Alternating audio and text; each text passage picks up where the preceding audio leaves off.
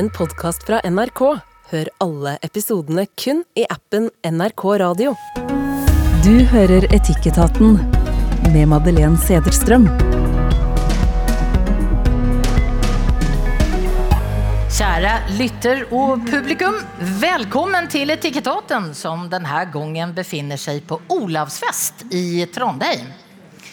Vi sitter på det som kalles for Vestfronten, rett utenfor Nidarosdomen.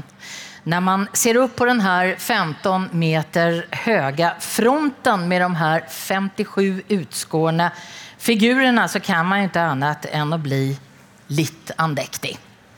Så många tusen timmars jobb, så enormt mycket tankearbete som ligger bakom ett sånt här bygg. Vilket slit det må ha varit. Eh, och man tänker på den uppfinnsamheten som måste ligga bak. Det här är ju människor som såg ut som oss som har byggt det här. Och precis som oss så må de ha hängt där och mejslat i sten och blandat murpuss och tänkt på meningen med livet. Etikettaten er NRKs lilla tenkepause for å stille noen spørsmål om hva det egentlig innebærer å være menneske. Vilka byggverk skal vi resa nå? Vilka stenar skal vi hugga i og ikke minst varför? Och som vanligt har vi med oss ett panel som ska hjälpa oss gjennom några teman och tankesprang. Deltagarna idag är lärare, författare, du var väl fotbollsspelare också? Var du inte det? Michael Stilson. Programleder på P3, Tamanna Agnihotri. Välkommen. Heine Holmen är vår filosof och har dessutom institutledare på filosofisk fakultet på NTNU i Trondheim. Tack för det. Och jag som ska leda det hela och pröva att styra samtalen heter Madeleine Cederström. Idag är temana som följer. Är det okej att behålla någonting som man finner på gatan? Kan du gifta dig i kyrkan även om du inte tror på Gud? Hur mycket ska omgivelserna tillpassa sig efter dina projekt och livsvalg? Och är det den som är utro som har skylden? Eller må älskaren och älskarinnan ta lite ansvar de också? Något av det som vi skal prate om i dag. Jeg fikk en mail fra Eva som skriver så her. Etikettaten.no. I Igår fant jeg en stor guldring på gatan. Jeg puttade den i lomma og stack innom en guldsmed. Han kan ge meg 4500 for den. Jag kunde aldrig haft råd till att köpa en ring till den prisen och tänker att den som har det har det mycket romsligare i ekonomiskt än vad jag har. Jag är alene med tre ungar. Det håller hårt att skaffa mat på bordet och betala ström och köpa kläder.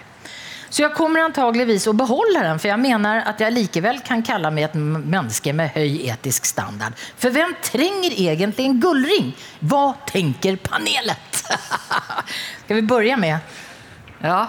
Hade du beholdt, hadde du beholdt ringen? Om du hadde, om de in... Nei, jeg tror ikke jeg hadde gjort det. Nei. Eh, Men eh, jeg har en forutsigbar økonomi. Jeg lever et behagelig liv. Vet hvor neste måltid kommer fra. Mine barn er mett og varme, så det er veldig lett for meg å, å, å si det. Ja. Eh, Men sånn som nå, så hadde jeg antagelig prøvd å finne eieren. Ja. Heine? Jeg hadde ikke beholdt behållit den, nei. nei. Nej. Lämnat den til politiet? Ja, politiet eller forsøkt å finne eieren. Ja.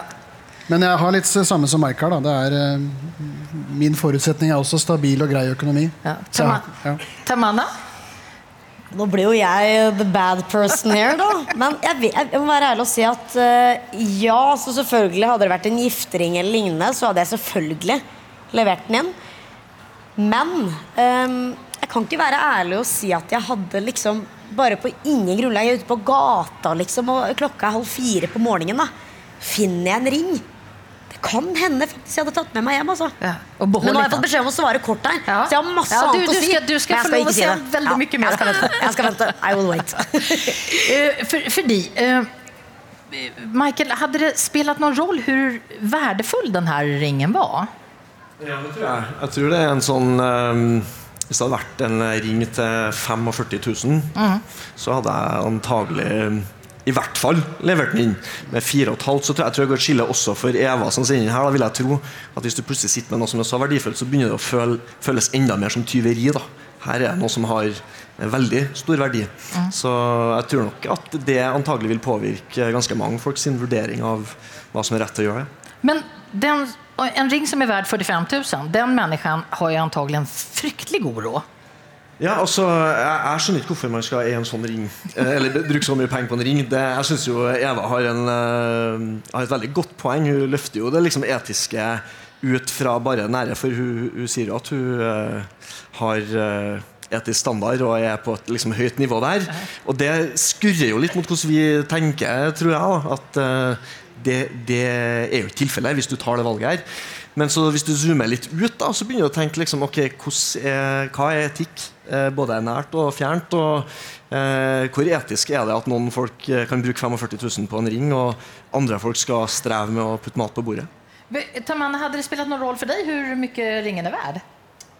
Ja og nei. Selvfølgelig. Altså, hvis jeg hadde funnet en ring som er eh, nummer én, da Nå må jeg bare si at det å gå og sjekke hvor mye en ring koster, og du finner ut at den koster 45 000 Jeg er jo bitte litt uenig der, Mark. Fordi det Hvis du vet ikke bakgrunnen til denne personen som har hatt den ringen her, og han har jobbet hele livet for å få én ring, som er verdt 45 000 så er det veldig kjipere å miste nummer én, da, men i tillegg til det at liksom, man skal tenke at ja, men jeg, jeg tenker at jeg er bedre enn noen andre.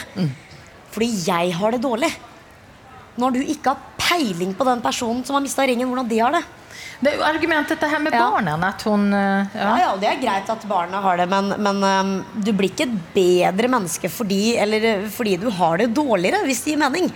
Fordi du sliter med noe, så er ikke det et godt nok argument til at en person som har det bra, skal også føle seg at det, er- det på en måte blir litt skeivt, syns jeg. Hun dytter ungene foran seg. Ja, på en måte kan du heller bare si at vet du hva, litt sånn som jeg har vært skamløs og sagt at vi hadde funnet en ring, så hadde jeg bare Jeg hadde tatt den fordi jeg vil. Fordi vi mennesker er ikke så gode alltid som vi sier vi er. Men når vi sitter her offentlig, så er det lett å si ja, vi er så gode. Men er vi egentlig alltid det? Ja, for er, Heine, er vi? Nei. Nei, det er ikke det. Det, detta är ju, det, det, jag förstår så här är det, så, är det två saker här. Det är den klassiska utilitarismen.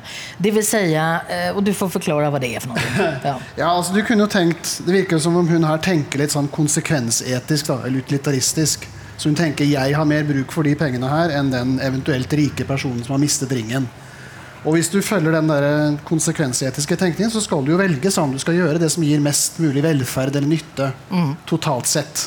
Så det vil si at egentlig så burde jeg bruke store deler av lønnen min på å sende det til et sted hvor det virkelig kan bli brukt. For det er min etiske plikt. Eh, Så det er litt sånn hun tenker her, da. Eh, Men jeg er litt usikker på om hun vet om det valget hun da gjør, er det liksom beste, sånn totalt sett.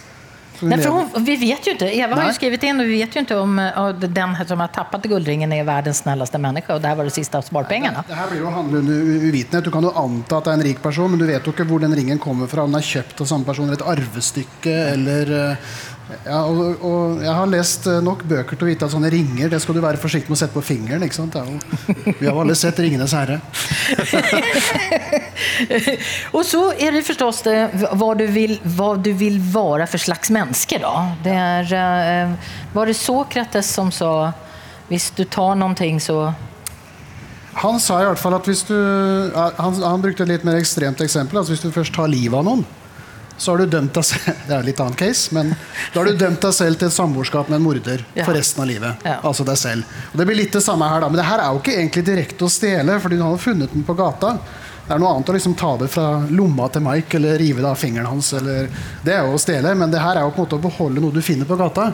Så det er jo ikke direkte tyveri, men det er jo på en måte det å ikke prøve å finne eieren. eieren precis. Så Ja. den type person dømmer du deg til samboerskap med for resten av livet.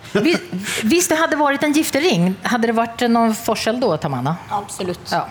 Jeg tror også det med at uh, det er jo ganske skummelt å helt tatt si sånne ting om at man hadde beholdt en ring og det og det. og det er jo ikke, Nå sier jeg det, men nå har jeg aldri funnet en gullring. Jeg har aldri tatt opp noe fra gata og tatt med det hjem. ikke sant? Så jeg, når jeg sier det, mener jeg jo at eh, det at hun sier det, er jo nok til at man føler man må si ja, jeg hadde selvfølgelig ikke beholdt ringen.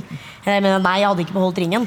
Men om du ingen andre vet, og det er bare du, da, mennesket i seg selv, som tar en avgjørelse, og det er ingen andre mennesker som noen gang kommer til å finne ut av det her, så mener jeg jo at da er det en ting i hodet hva til de fleste folk som sier at ja, men er, ikke, er det så dumt, da? Men det er ulovlig. Og det må man jo påpeke at det er ulovlig enten det er en giftering eller en gullring å ta med den hjem eller selge den.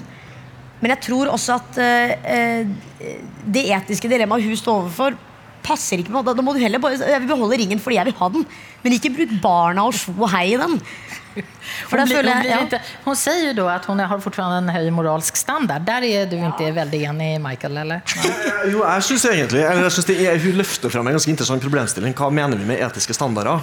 Fordi jeg har en giftering, og den er inngravert. Og så har jeg tenkt Jeg hører dilemmaet hva hadde jeg gjort eller hva hadde jeg tenkt hvis jeg hadde mista den, og noen er alenemor jeg hadde solgt den og, og brukt det på ungene sine. Så tror jeg Jeg liker å tro at jeg, jeg hadde ikke kommet til å liksom mista helt grepet om mitt eget for det var en ting. Jeg synes det hun problematiserer her, er jo litt det derre forholdet vårt til materielle goder. Og det, det syns jeg er interessant. En sånn etisk eh, diskusjon av hvordan vi, hvordan vi eh, ja, vi, vi liksom det er jo sånn at De som har satt opp noen av de etiske normene vi forholder oss til, som det er veldig lett å liksom, det er veldig behagelig å si at jeg hadde levert tilbake den ringen fordi at jeg har noen etiske standarder som jeg etterlever.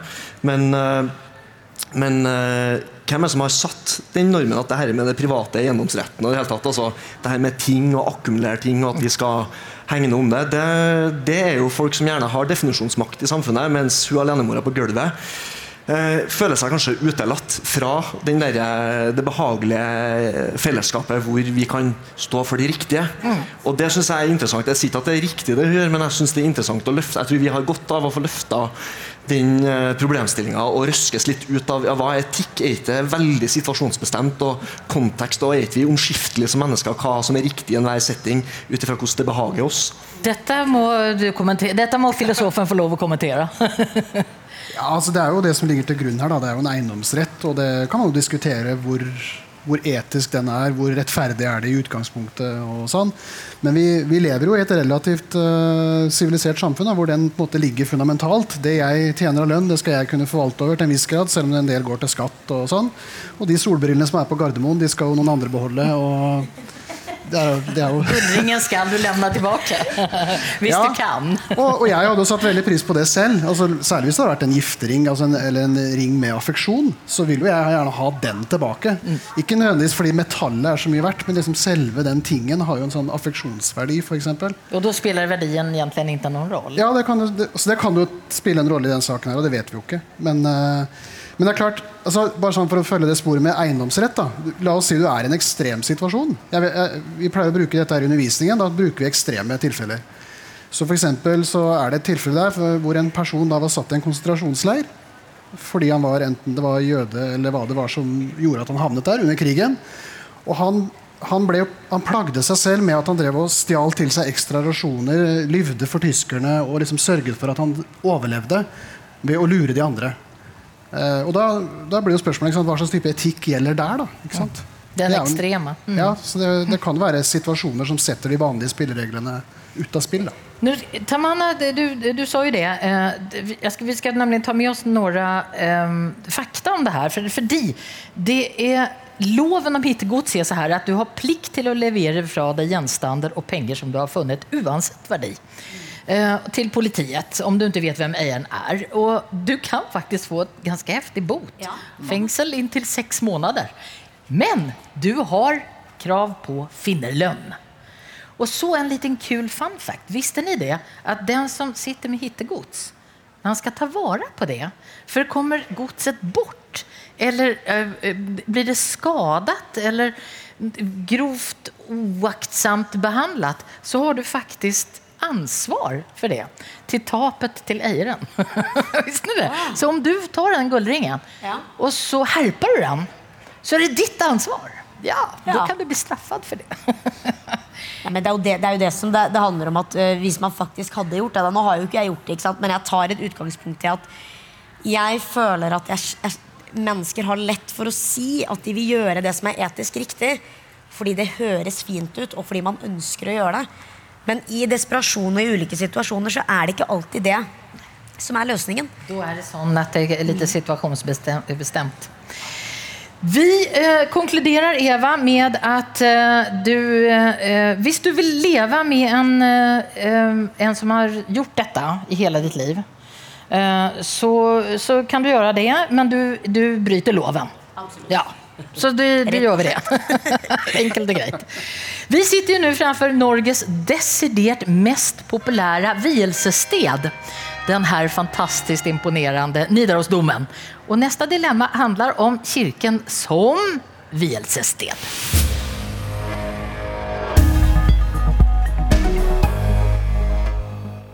Detta er altså Etikettaten live fra Olavsfest i Trondheim. Og panelet i dag er Michael Stilson, forfatter og lærer.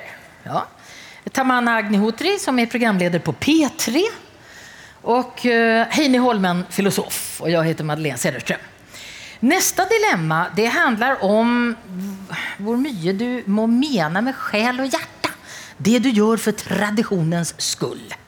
Hej kära panel, skriver eh, min nästa eh, inskrivare. Vi planlägger bröllop nästa år.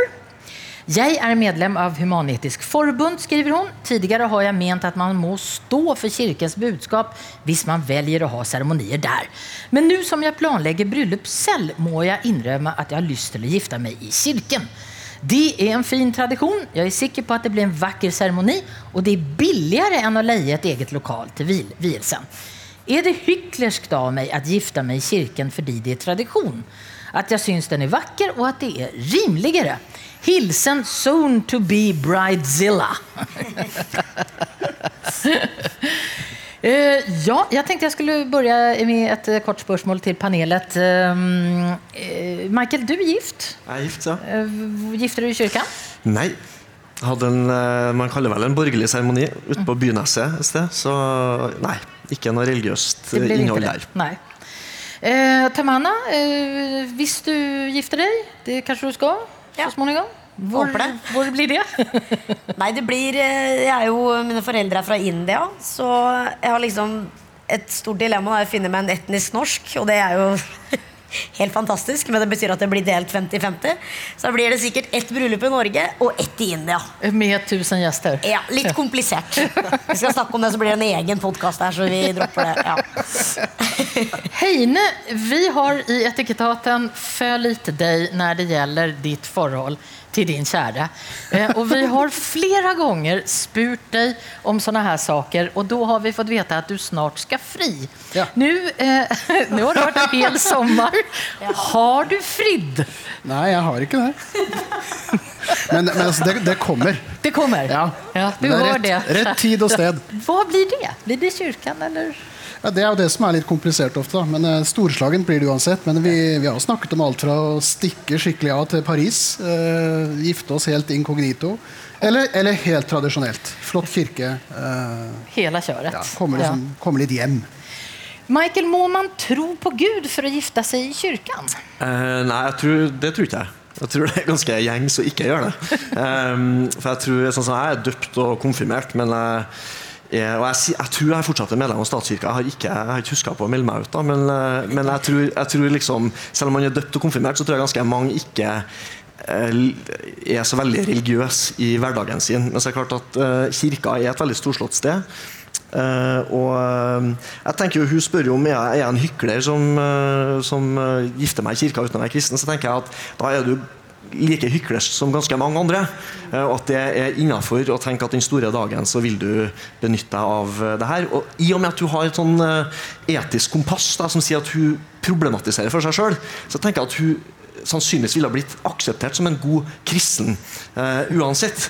Så jeg tror at her uh, er jeg helt innafor. Tamanna, du er jo hindu. Hvor mye må man tro på tradisjonene? Altså, det har jo ikke noe å si hvilken religion man kommer fra, enten man er hindu som jeg, da, eller om man er kristen eller praktiserende kristen. Jeg tror det å um, uh, Og det er jo litt annerledes. ikke sant? Hvor mange hinduer er det i Norge? Det er ikke så mange. ikke sant? Vi har ikke det her. Og det her er jo praktfullt og fint. Det här det är för alla, för alla lyttarna, det är alltså Nidarosdomen. Vi glömde sitter ja. utanför Nidarosdomen. Vi ser upp på Västkanten, det är helt Og den fantastiskt er jo praktfull og fin, og, og kristendommen er jo viktig i Norge. Og som du sa, mange er jo både fra man er født, hvis man er født i dag, eller man er 60-70 år. Mange er døpt og konfirmert. Og det er ikke så mange av mine venner som er Nå er jeg 26 år. Og veldig få av de vennene mine som er døpt og konfirmert, har et veldig tett forhold til kristendommen på den daglige basis. Praktiserende, da. Eh, hvis man feirer jul, jeg vet ikke om det teller, men det gjør jo ikke det. ikke sant? Man, eh, Ja, det, det er jo Ja. tradisjoner, det også. Det Ja, er, det er jo det. Ja. Så det å gifte seg i kirka, det, det er jo en fin ting. Det er jo vakkert på mange måter. Og så kan man også, Det her blir jo veldig filosofisk, da, egentlig din, din greie, men uh, kjærlighet er jo guddommelig. Uavhengig religion. Det er guddommelig. Det å ha et forhold med noen, det er guddommelig i seg selv. Så hvis enten du er i Guds hus eller ikke, det er jo nydelig. Så jeg skjønner jo godt at man vil gifte seg i kirka eller Nidarosdomen. Det er jo det er utrolig pent. Ja, det, eh, Heine, man- om man skrider opp eh, Nidarosdomen så kommer presten og, og, og spörra en del Ja. saker som, som kan kanskje være vanskelig å si ja til helt med hjertet. Ja. Er man hyklersk? Jeg er litt splittet her. jeg. Ja, altså jeg kommer fra en familie som er beinhardt uh, ateistisk. Uh, men de har aldri hatt noe problem med å stå og lyve presten opp i ansiktet. Eh, enten det er barnedåp eller hva det er, så lenge det passer. Altså så lenge det er tradisjon. Så Det er liksom den ene siden jeg har. Men den andre er jo den filosofiske, som skal si det som er sant. Og Hvis de da på en måte avkrever en slags ja-nei til masse ulike påstander, og det er ofte verdidommer, eller du får en skikkelig svovelpreken av den gamle sorten, så, så blir det jo vanskelig. Men eh, det er der man kan gå inn i litt andre kirkesamfunn. Min samboer er halvt polsk, og der er det jo katolsk. De skravler jo i vei gjerne på latin. Så det skjønner jo ikke jeg et kvidder av uansett. Så det, da, er kan, Du kan, bara, du kan lova hva som helst. da kan du på en måte bare gå inn i det. Og dessuten, de har en litt annen måte å tenke på. Da. Ofte, det er litt sånn protestantisk det der at man skal stå for alt presten står for, eller kirken står for. Okay. Det, er sånn, ja, for det, er, det er en arv vi har fra det gamle protestantiske greiene, som dreide seg om en veldig sånn personlig omvendelse. Så det er ikke en sånn kulturting. Men i det katolske, for eksempel, der er du født inn. Så min samboer kan melde seg ut av den katolske kirke som hun vil. Hun blir jo aldri skrevet helt ut. Mens jeg har jo meldt meg både inn og ut av norske statskirken. Jeg vet jeg har vært helt ute, og så har jeg kommet inn igjen. Så det er en litt sånn annen uh, måte å tenke religion på. Da. Så litt sånn, jeg slår et litt slag for kulturreligionen. Ja. Den som ikke går sånn veldig personlig til verks. Man kan stå for tradisjonene, men man behøver ikke stå för kanske Man det trenger ikke som... stå for ett og alt. Eh, Nei. Men det er klart, det er, jo, det er jo visse grenser her, da. litt sånn avhengig av hva den svovelpreken faktisk inne, innebærer. Så det er jo en del standpunkt du ikke vil stå og si ja til. I, Det, eh, ja, det, Tamanna, jeg vet at du har vært på en, eh, på en del eh, där du har reagert lite grann. Hva sa du? Du har vært på en del barnedåp Når, du, ja, du har tenkt at, ja, "Mm, jeg var jo på det. Og eh, kjæresten min sin søster gifta seg på Stokkøya rett utafor her. Og det, da var det jo et kristent eh, bryllup. Um, kristen og kristen, det var i kirka. Eh, og en ting jeg la merke til da, som kanskje kan være et godt tips, da, det er presten. Hvem er, det som er, hvem er det som kommer til å vie? Fordi noen prester kan være annerledes, og andre fokuserer mye på kjærligheten. Og at, at det er fint, ikke sant? Og det, eh, det var så vakkert, da, for da satt vi der i kirka. Og det var bare så mye prat om kjærlighet mellom to mennesker, og det som er viktig. Og det var liksom ikke så mye prat om Gud, på den der, kanskje det man tenker da, stereotypisk at man gjør i kirka. Så på en måte, ja, man sier ja til det religiøse aspektet, men samtidig så tror jeg med tiden Jeg vet ikke om alle er glad i modernisering, men kristendom forandrer seg, det òg. Det gjør det med tiden, du vil det eller ikke. Så jeg føler jeg så litt annen side av det. da Så jeg står jo rett for at ja, gift deg i kirka hvis du vil. altså Michael, du, hade ett lite, du har et litt speciellt eh, forhold fordi du kjenner godt til jødendommen. Ja, jeg tror ikke jeg skal si at jeg kjenner godt til henne, for at jeg, men min kone er jo eh, eh, fra en jødisk familie. Og eh, er per definisjon eh, jødisk, da. Eh, Og der, det er jo en diskusjon, fordi at eh, her er jo barn som også, da, fordi de har en jødisk mor, er definert som jøder. Eh, Så man må forholde seg til det. og Min kone er jo ikke praktiserende, religiøst praktiserende, men kulturelt så har jeg blitt eksponert for eh, tradisjon og kulturer. og Noe av det er knytta til religion. Eh, og det syns jeg er fint at mine barn også får ta del i, fordi besteforeldrene del av det, det er mye historikk der. Eh, men jeg er også veldig sånn Jeg tenker at religion eh, er noe man kan ta stilling til når man er gammel nok til å ta stilling til. Hva er det jeg vil, Hvilket spor vil jeg forfølge? Og det er mange måter å være spirituell eller religiøs eller finne en eller annen eh, si, forankring i livet. Eh, for meg er det ikke religion, men eh, relasjoner og det. Og, og hvis du går inn i alle religioner, så finner du jo, som du sier, kjærlighet til guddommelige. Det er jo ting som går igjen overalt. Eh, og at man må måtte, signere en kontrakt og si at det her er det jeg står for i alt og til enhver tid. Eh, det har ikke jeg noe troa på. Så, men, at, men at tradisjoner skal ivaretas for at de har historisk, kulturell eh, betydning for oss og er et slags lim i å forstå hvem jeg er, hvor kommer jeg fra, det tror jeg er kjempeviktig. Og det er jeg veldig glad for at mine barn får lov til å oppleve. Men når det er religiøse, så, så kan, kan, jeg være uenig med svigers iblant på noen ting, kanskje. På, på hos, hos, hva de skal være med på i det hele tatt. Men jeg tror det er sunt at man kan ha sånne diskusjoner. da. Ja, precis, at man kan, man kan skille mellom tradisjonene og religionen. Ja. At det går an å gjøre det. Ja. ja. Og jeg tror liksom religion er veldig stor ja. Det er sånne leveregler. Og i, veldig, I den tida mange oppsto, så var det en helt nødvendig måte å bygge samfunn på for å få liksom, noe, noe forankring. Mm. Eh, og vi lever i en annen tid nå hvor vi har annen kunnskap, andre måter å knytte oss sammen, som jeg tror også endrer som du sier, religion spiller en annen rolle enn det gjorde for i den tida det, det oppsto. Ja. Så eh, hvor hyklersk er det da, å bare frigjøre tradisjonene fra religionen? altså På en måte så er det Jeg er litt usikker på hvor mye religionene kan gjøre det uten å miste seg selv og bare bli sånn fasade også. Da. For det må jo være en viss kjerne der. Det må være noe de har å bidra med. Som du kan si ja eller nei til, og som kan være helt feil. Enten det er verdidommer eller Så, så jeg, jeg, er klar over at de gjør det, for det fins fantastiske prester som er helt åpne for veldig mye. Men samtidig så er det litt sånn fare for at de mister seg selv her. Mm. Men det fins jo også, bare sånn, sånn apropos fasader, det fins jo masse avvikslede kirker rundt i Norge. Flott kirke i Sarpsborg, blant annet, eh, som annet bruker til sånn Olavsfest. Kjempepopulært vielsessted. Ja. For den er ikke vigsla, så der kan du ta med deg hvem du vil inn. Eh, så lenge den har vigselsrett. da. Det nest eh, mest populære stedet å gifte seg i er Hamardomen. Og ja. Den er også avvigslad. Ja. Den bombade um, svenskene en gang, sånn at det ble ruiner av det. Og så ble man litt forbannet på svenskene, og så bygde man opp det med verdens vakreste glaskuppel. Vi, skal, vi skal videre, men vi kan vel si til Bridezilla at um, du er ikke hyklersk hvis du uh, bestemmer deg for å gifte deg i kirken.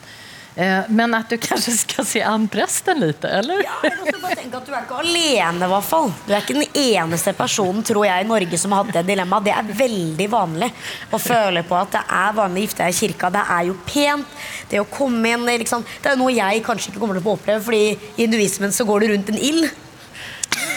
Så ikke det samme. Men, men, det du kommer gjøre, men, du kommer å gjøre det? Ja, ja, jeg vil jo det. Glad i ilden, da. Akkurat som folk er glad i kirka. Er det, er det, gjør alle hinduer det, eller er det masse ja, Til hinduistisk bryllup så går du rundt en ild. da. Ja. Eller sånn, er hellig ild, da. Og så går man rundt den syv ganger, så det er de syv uh, wow-wows igjen på norsk. Jeg glemte uh, så alt er jo kultur og tradisjon, og så må man Jeg mener det er helt greit å mikse og trikse litt. Vi skal alldeles straks til neste dilemma. For det handler om hvor langt er det greit at enkeltindivider går i å kreve at familie og venner og samfunn generelt skal tilpasse seg et personlig prosjekt.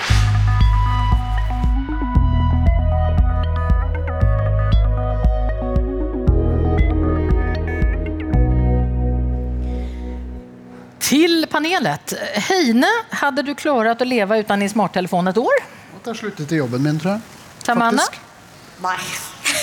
en måned? Nei jeg, nei, jeg tror ikke det, altså. Eller hvis jeg virkelig hadde prøvd, kanskje. Ja. Og en time er du klar? Ja, det er klart. Er det klart. Ja. Michael, nå ser jeg hardt på deg, fordi dette handler om et prosjekt som du skal inn i. Fortell. Ja, eh, i, ja, Vi har ikke begynt ennå, men eh, i eh, slutten av september så skal en kamerat og jeg logge av smarttelefonene og sosiale medier i et helt år. Og Vi har ikke fått reglene, for det skal bestemmes av noen andre. så hva vil det si å logge av helt, Men vi vet i hvert fall smarttelefon og sosiale medier, og antagelig en periode uten skjerm totalt. da. Uh, og så er spørsmålet hvorfor skal man gjøre det her. Uh, vi er begge småbarnsfedre med unger som nå er på vei inn i den alderen hvor den smarttelefonen antagelig kommer til å bli et del av deres liv. Uh, og daglig er det liksom nye ting hvor du I hvert fall jeg som småbarnsfar kanskje er litt paranoid, da, men, men, tenker at eh, er jeg sikker på at jeg vil utsette mitt barn for det her? Eh, hva er det jeg sender inn i det som om det står en ulv lenger ned i gata, og alle ungene driver og hopper inn i den ulven, men så står jeg på avstand og lurer på er det en ekte ulv, eller er det bare et morsomt leketøy? Eh, og vi har innsett at det skjer jo ingenting her. Alle snakker, eller Veldig mange snakker om farevirkningene, eller hva det gjør med samfunnet, med ungdommene våre og barna våre. Men så skjer det veldig lite.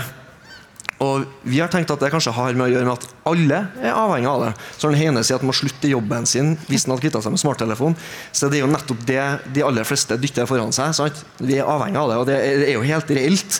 Men det gjør også at det er vanskelig å ta stilling til. Det er vanskelig for en forelder å si nei, du får ikke smarttelefon, og så setter du deg i sofaen og scroller på Instagram hele kvelden. Eh, da har jeg ikke så mye troverdighet. Så vi tenkte at vi skulle gjøre en dugnad. En Svein Sven Biskår Sunde, som er min kompis, da, eh, og jeg, at vi skal liksom logge av et år, ta en for laget, finne ut hva er det egentlig som skjer. Og være litt sånn på utsida av det samfunnet vi alle på en måte, er tar for gitt nå. Men vi skal ikke tilbake til steinalderen. Vi skal tilbake til 2005 og se om det går an å leve sånn som man gjorde i 2005. Det er en sånn klapptelefon? Ja, vi vet ikke. Ja. Vi må se hva, Er det i hele tatt mulig? Det, vi vet at det finnes noen sånn damphones, da, men, men uh, hva gjør det med oss Hva gjør det med oss fysiologisk? Hva gjør det med oss relasjonelt? Min store bekymring er jo at jeg har ei sju år gammel datter og en fire år gammel sønn. Og jeg vet hvor viktig tomrommene, kjedsomheten, var i min barndom til å oppdage den frie leken, til å bli robust som menneske. Og jeg er redd for at skjermer fjerner oss fra det. Ikke nødvendigvis at de bare er negative og at det er skadelig, men at det hindrer oss i å gjøre ting som er dypt menneskelig, og som er veldig viktig for oss.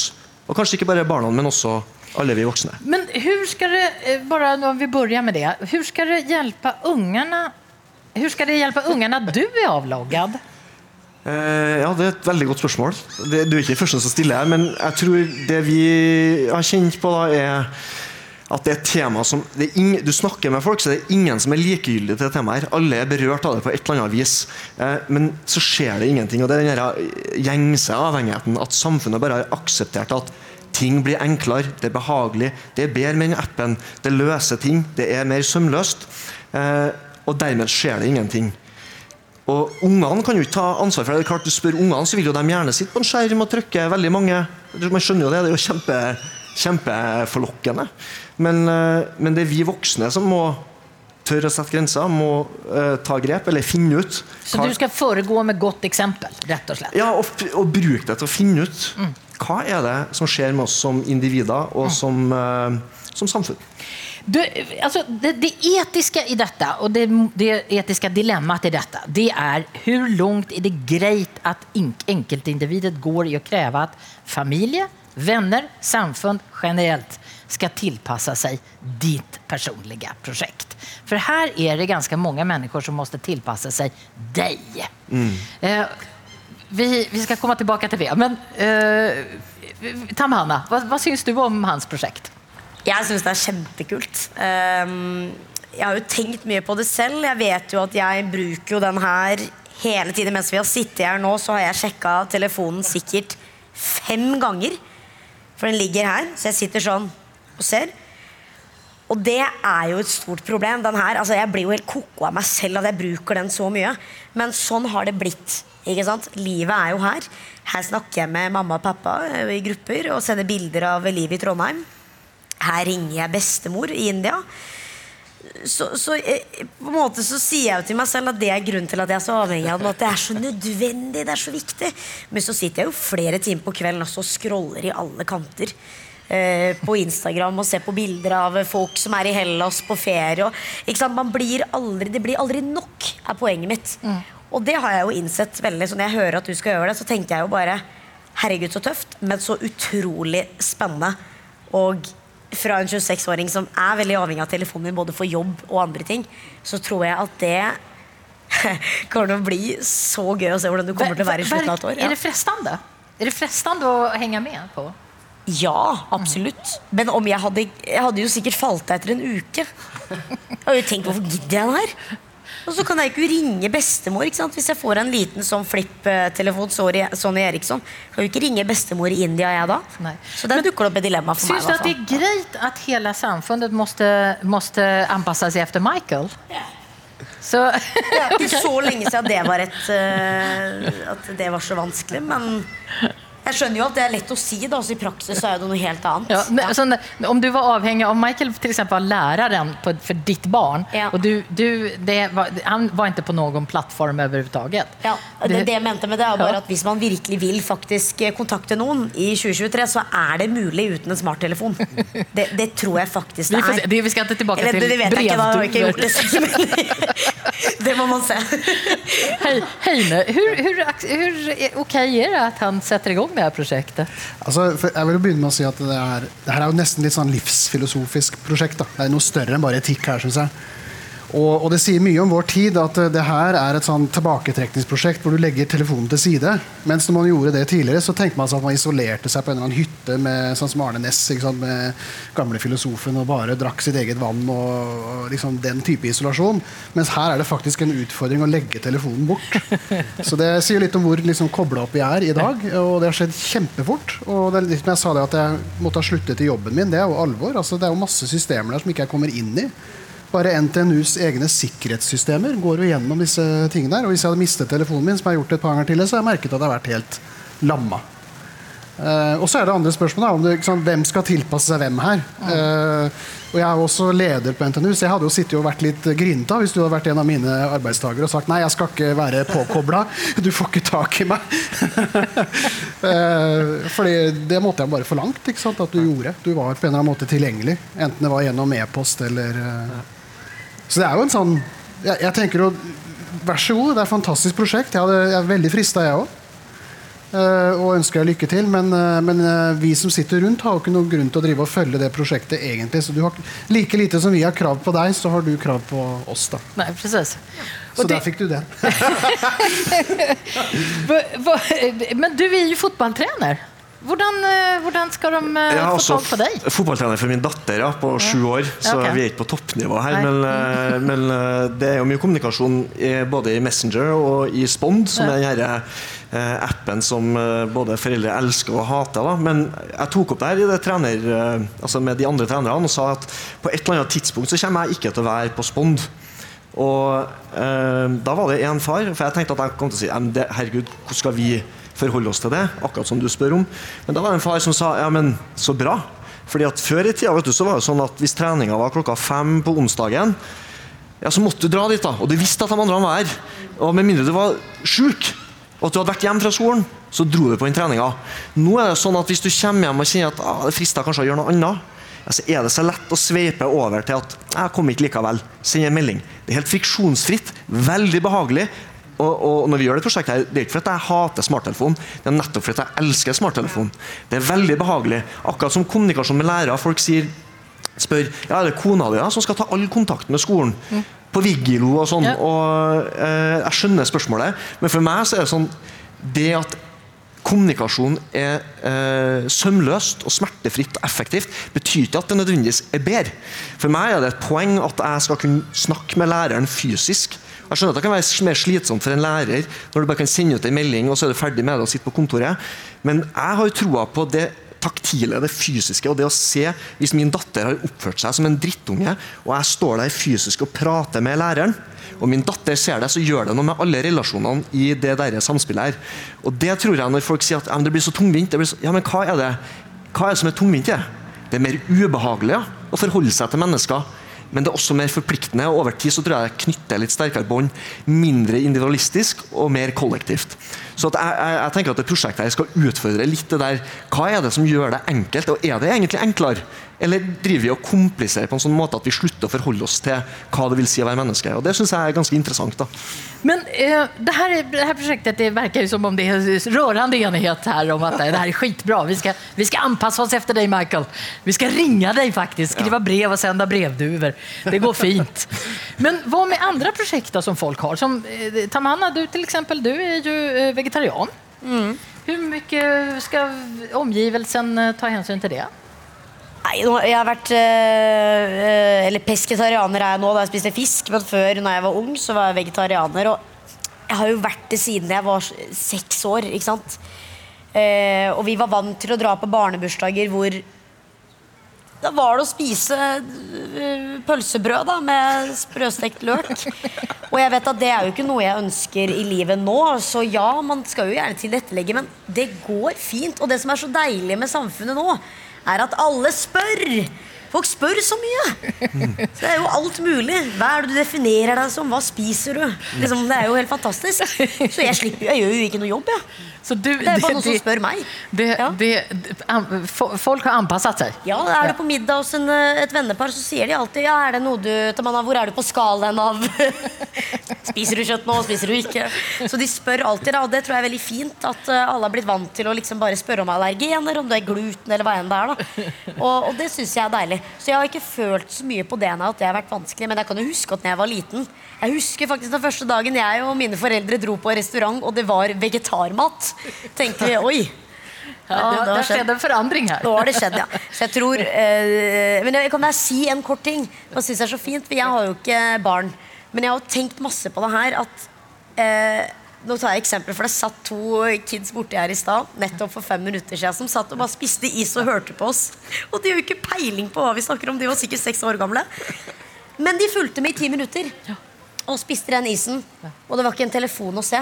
Det er herlig. Da kan det hende at det, er det är förändringar. Og det har jeg ønsker jeg på en måte at det kanskje det er det du er inne på. da At det er veldig behagelig å se at telefonen ikke er til stede. Alltid. Om vi nu inte pratar om telefonen, Heine, eh, hur, va, finns det ting som, är helt, eh, som vi inte kan begära att folk ska anpassa sig efter? folk? Det, det verkar som om det är en ny trend nu. Det, Ja. Vad definierar du det som? Vad spiser du? Altså, du kan Har du smarttelefon? Har du smarttelefon? Altså, jeg, er jeg, er jeg er også pesketarianer. Jeg, jeg har fått min eh, tilmålte eh, servering av trøndersodd uten kjøtt. Det er, eh, det er en opplevelse. så nei, så hva du kan forlange det er jo, Jeg er jo litt individualist, ja, så jeg tenker at det er litt begrensa hvor mye du kan forlange av alle de andre. Men du skal få kjempestort spillerom for å få lov til å være deg selv og gjøre det som eh, Mike gjør, eller spise det du vil. Men du, du har ikke på en måte noen etisk rett på at alle de andre skal tilpasse seg ditt. da Like lite som de har rett på at du skal tilpasse deg dem. Men det er klart det beste er jo hvis vi kan klare å finne en eller annen måte å samarbeide på, sånn at du får spise den maten du vil. Og det tror jeg folk altså det Sånne ting driver vi og vi er blitt veldig gode på. da Å tilpasse oss Jeg hverandre. nett- Nettopp det her med som, som dere sier, at det er en annen hverdag i Norge nå, med tanke på det å kunne eh, kunne få vegetarmat det er en selvfølge. at det er, det er et option på, Til og med i de minste bygdene nå, så er det en greie. Og jeg tror det å, å, å provosere litt, eller gå litt, være litt avvikende, er også med på å utfordre de normene som gjelder, eh, og er med på å endre samfunnet. Jeg tror, eh, jeg tror nok smarttelefon Noen vil nok bli provosert av dette prosjektet her, og synes at, altså, reagerer med nesten aggresjon.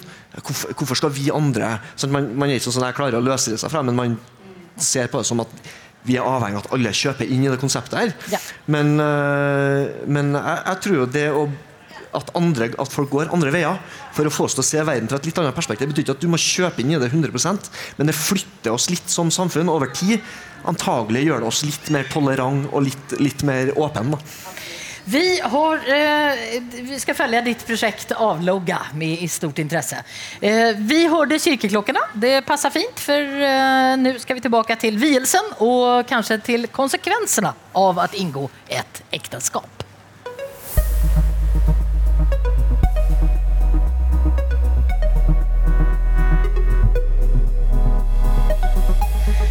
Detta er altså Etikettaten live fra Olavsfest i Trondheim. Vi sitter utanför eh, Nidarosdomen i et strålande solsken. Eh, panelet i dag er altså Michael Stilson som er forfatter eh, lærer. Jeg skal i gang med det her prosjektet som vi hørte. eh, Avlogga. Tamanna Agnihotri, programleder på P3 Og Heine Holmen, filosof. Jeg heter Madeleine Cederström. Vi skal til Bente som skriver så här. Det är selvsagt den som er gift som har det største ansvaret ved utroskap.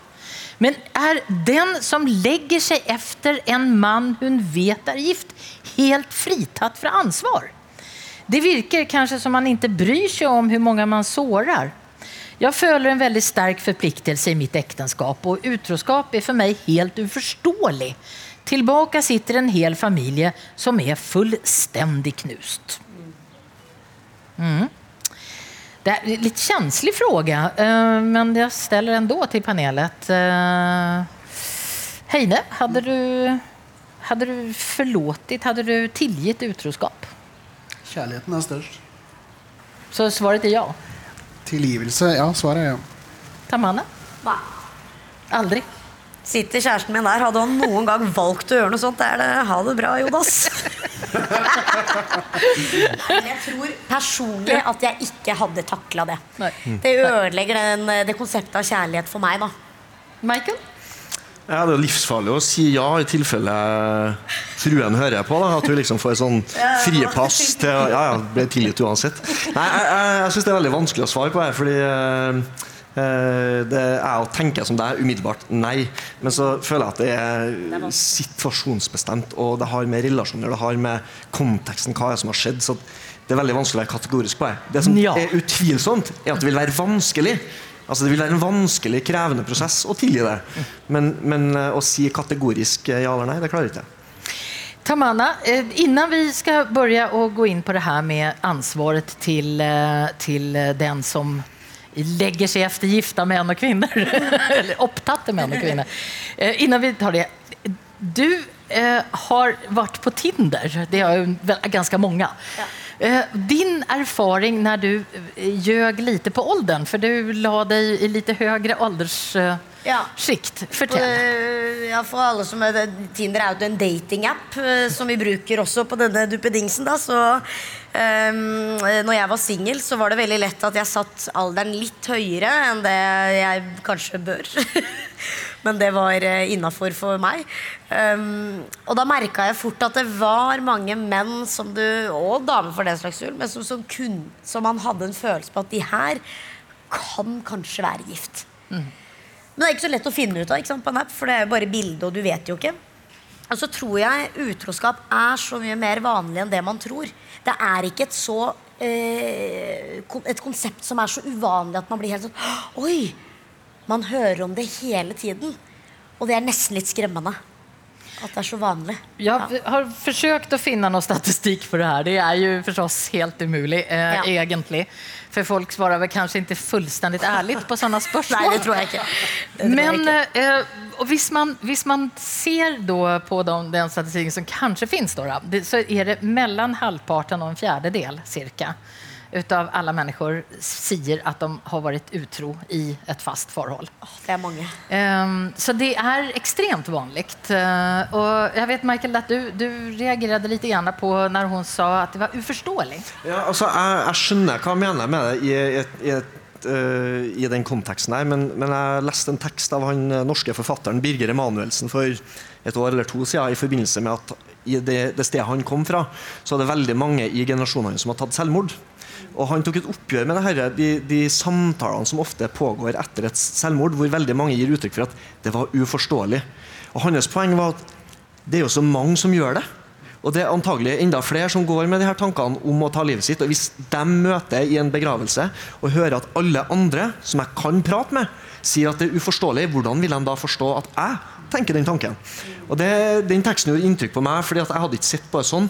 Men jeg tenkte på når ordet 'uforståelig' dukka opp i den sammenhengen her òg, at nettopp fordi det er så gjengs og vanlig, da, for å kalle det det, så er det noe som er menneskelig. Altså Det ligger i menneskets natur på et eller annet vis at det her er noe folk gjør. Og jeg tror Hvis man i en relasjon, før et utroskap i hvert fall, ikke tar inn over seg at relasjoner endrer seg, det her er noe som kan skje oss også, så tror jeg det er litt skummelt hvis man tror at et ekteskap og et giftermål, en kontrakt, at du har signert noe, og at man har barn sammen, automatisk gjør at man da er man forplikta. Ja, jeg skjønner hvorfor man tenker det, men vi er dyr. Dypest sett så er vi dyr. Og dermed gjør man også ting som ikke alltid er like gjennomtenkt. Men, ja, og da er det filosofer som måste da få lov å for, Bare for at alle gjør det. Så blir det ikke riktig, nei. Nei. Nei. Nei, Det er en feilslutning. Da. Det er den eh, såkalte naturalistiske feilslutningen. Uh, og Du kan gjøre mange, mange vitser ut av det. ikke sant? Eh, bare fordi spyfluer liker møkk, så er ikke møkk godt. Ikke sant? Så det Spyflygen tykker Ja, ja. det i alle fall. Ja, just det. men altså det at mange nok gjør det, er jo ikke god nok eh, begrunnelse sånn etisk sett.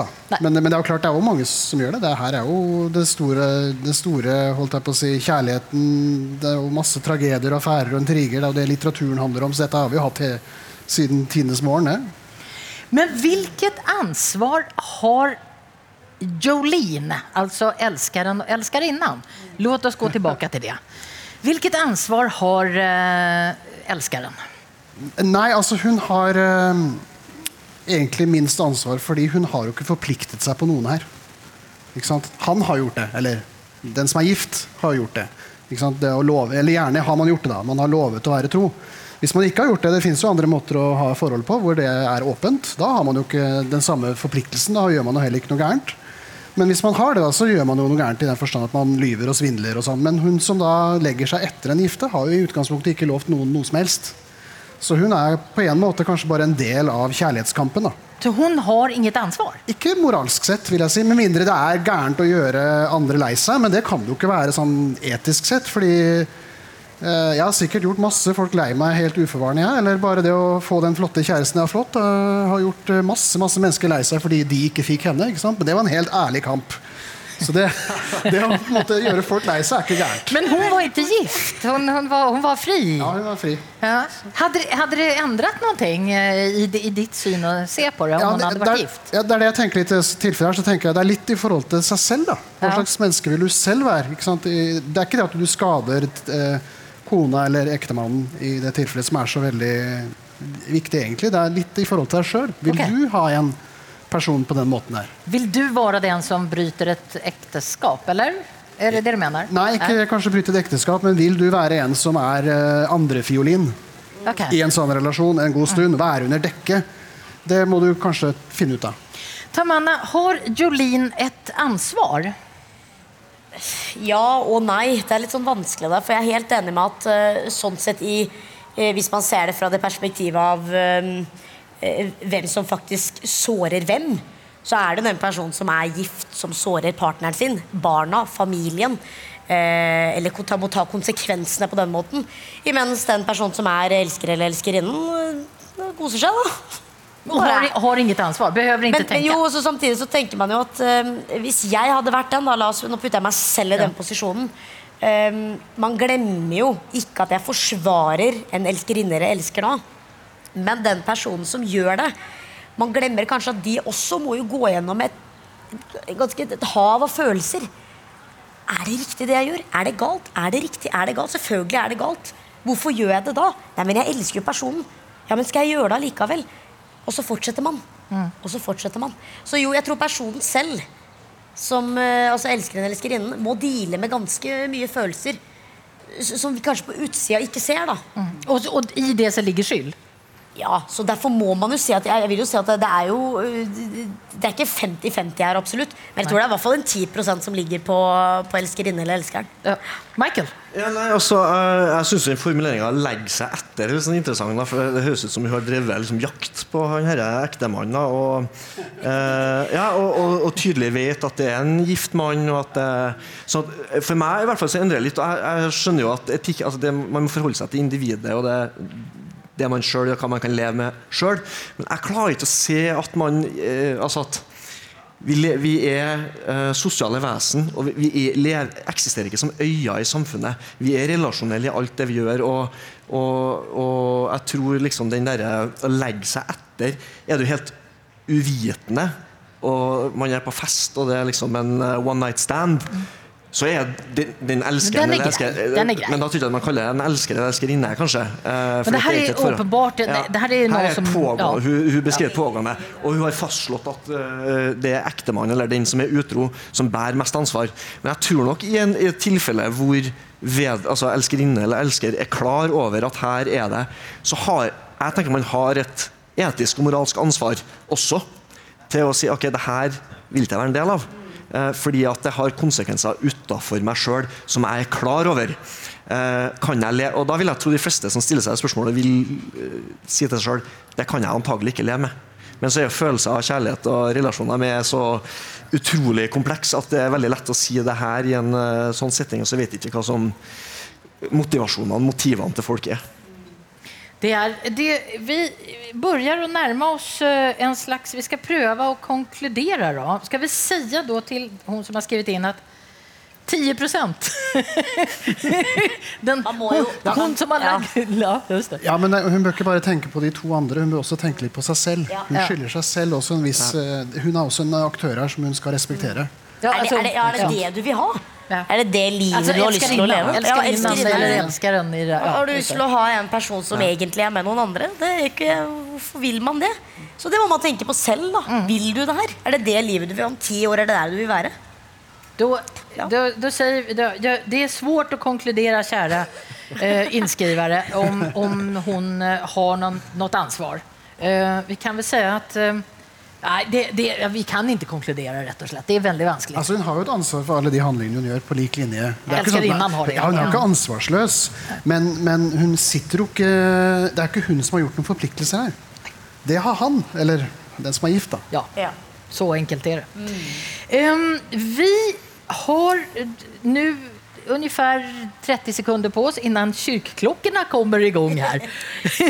Så jag ska faktiskt säga då att du har alltså hört på Etikettaten live från Olavsfest i Trondheim där vi har prövd att utfordra vårt etiska kompass. Och de som har hjulpet oss med det er Michael Silson, författare og lærer, Tamanna Agnihotri, programleder på P3, Heine Holmen, filosof og institutleder på filosofisk fakultet på NTNU i Trondheim, der vi akkurat nå er. Og hvis du har kommentarer på det du hører, eller et etisk dilemma som vi kan hugga tennene og hjernen i, så send det til Etikettaten, Krøllalfa, NRK, NO. Etikettaten er det. Producent Hege Strömsnäs, assistent Hanne Näs Tremon, tekniker Martin Vågö och jag, Madeleine Cederström, tackar för oss. Ta vara på dig och ta vara på världen runt dig. Tusen tack för idag.